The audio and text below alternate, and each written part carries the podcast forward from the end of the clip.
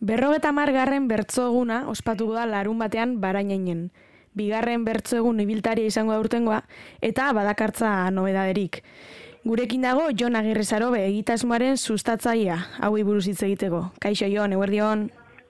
Bai, eguerdion.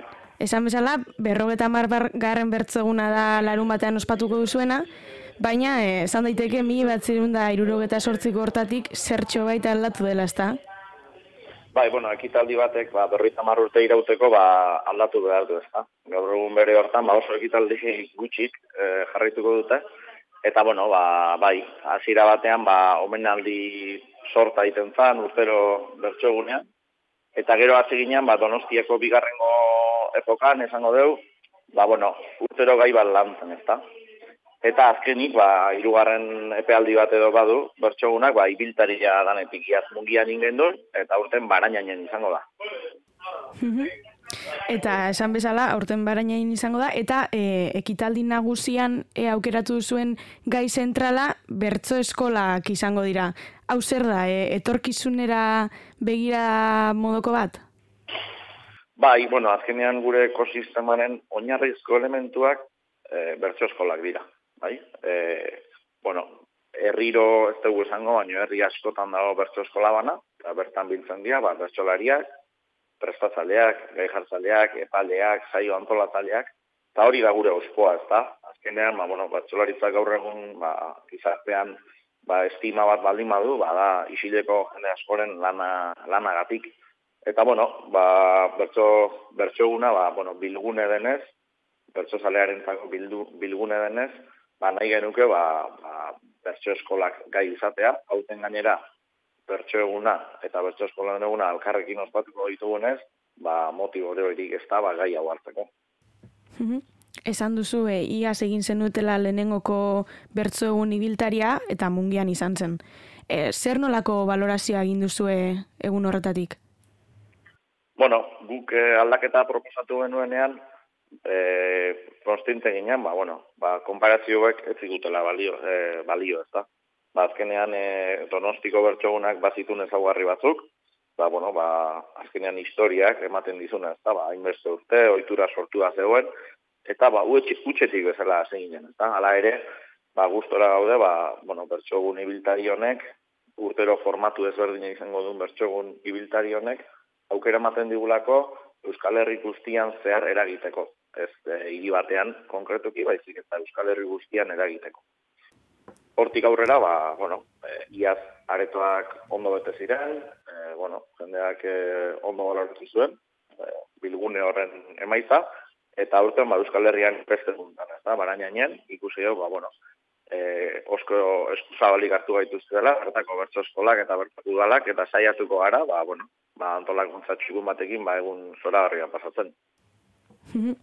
Zuek eh, aurretik ere esan izan duzue, ba, mungia eta barainain eh, oso ekosistema desberdinetan daudela, izan ere mungian bertso saletasun eta euskal saletasun handia dago, eta baraina, barainain ba, desberdine izango da. Ze, ze esperantza dituzue horretarako?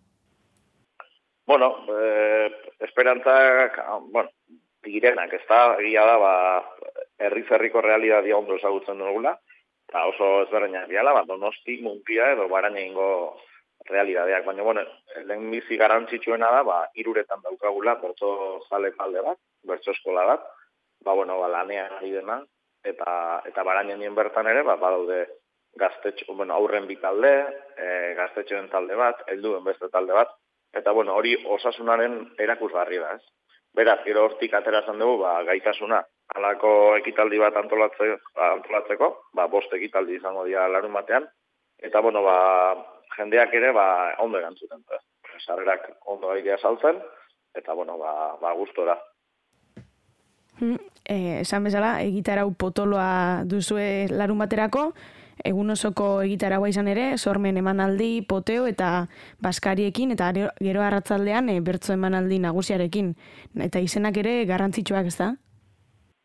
Bai, bueno, e, izen asko azteko, ez? Eta hori da, ederra, ez? Bilgune baldin bada bertsouna, ba, bueno, ba, Euskal Herri guztitik etorretako bertsolari eta bertsozaleak izango dira barainainen, eta ekitaldi motak ere oso ezberdinak, eh? Ba, bueno, azteko Nafarroako bertsozale elkarteko batzarra izango dugu izan, Gero txapelketa dator berrian, eta, bueno, ba, ba txapelketa urkeztu, eta, ba, bueno, ba, urteroko ba, zita, zule elkartearen batzarra, ba, bertan egingo da.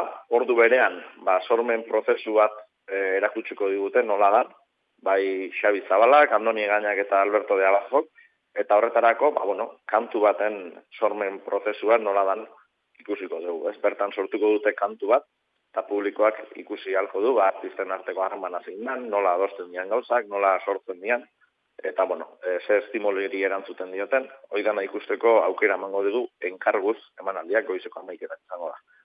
Gero poteo bat, Euskal Herriko amabi bertzolari abestuko dute, eta ondoren ba, deno gotera bazkalduko dugu. Ez du bertso horik izango bazkari hontan, baina bueno, bilgune dela ere esan dugu, eta berrita marruteko historia ere ospatu beharko dugu nola bait. Zer, arratsaldean berriz ere, ba, bueno, ba, bertsoa bintzutera saltuko gara auditoriora, ekitaldia bertan izango baita, arratzule guztazkitan. Eta gaudean berriz, ba, kontzertuak izango ditugu, oinutxik, kasu eta ezurbeltzak taldeak arituko dira.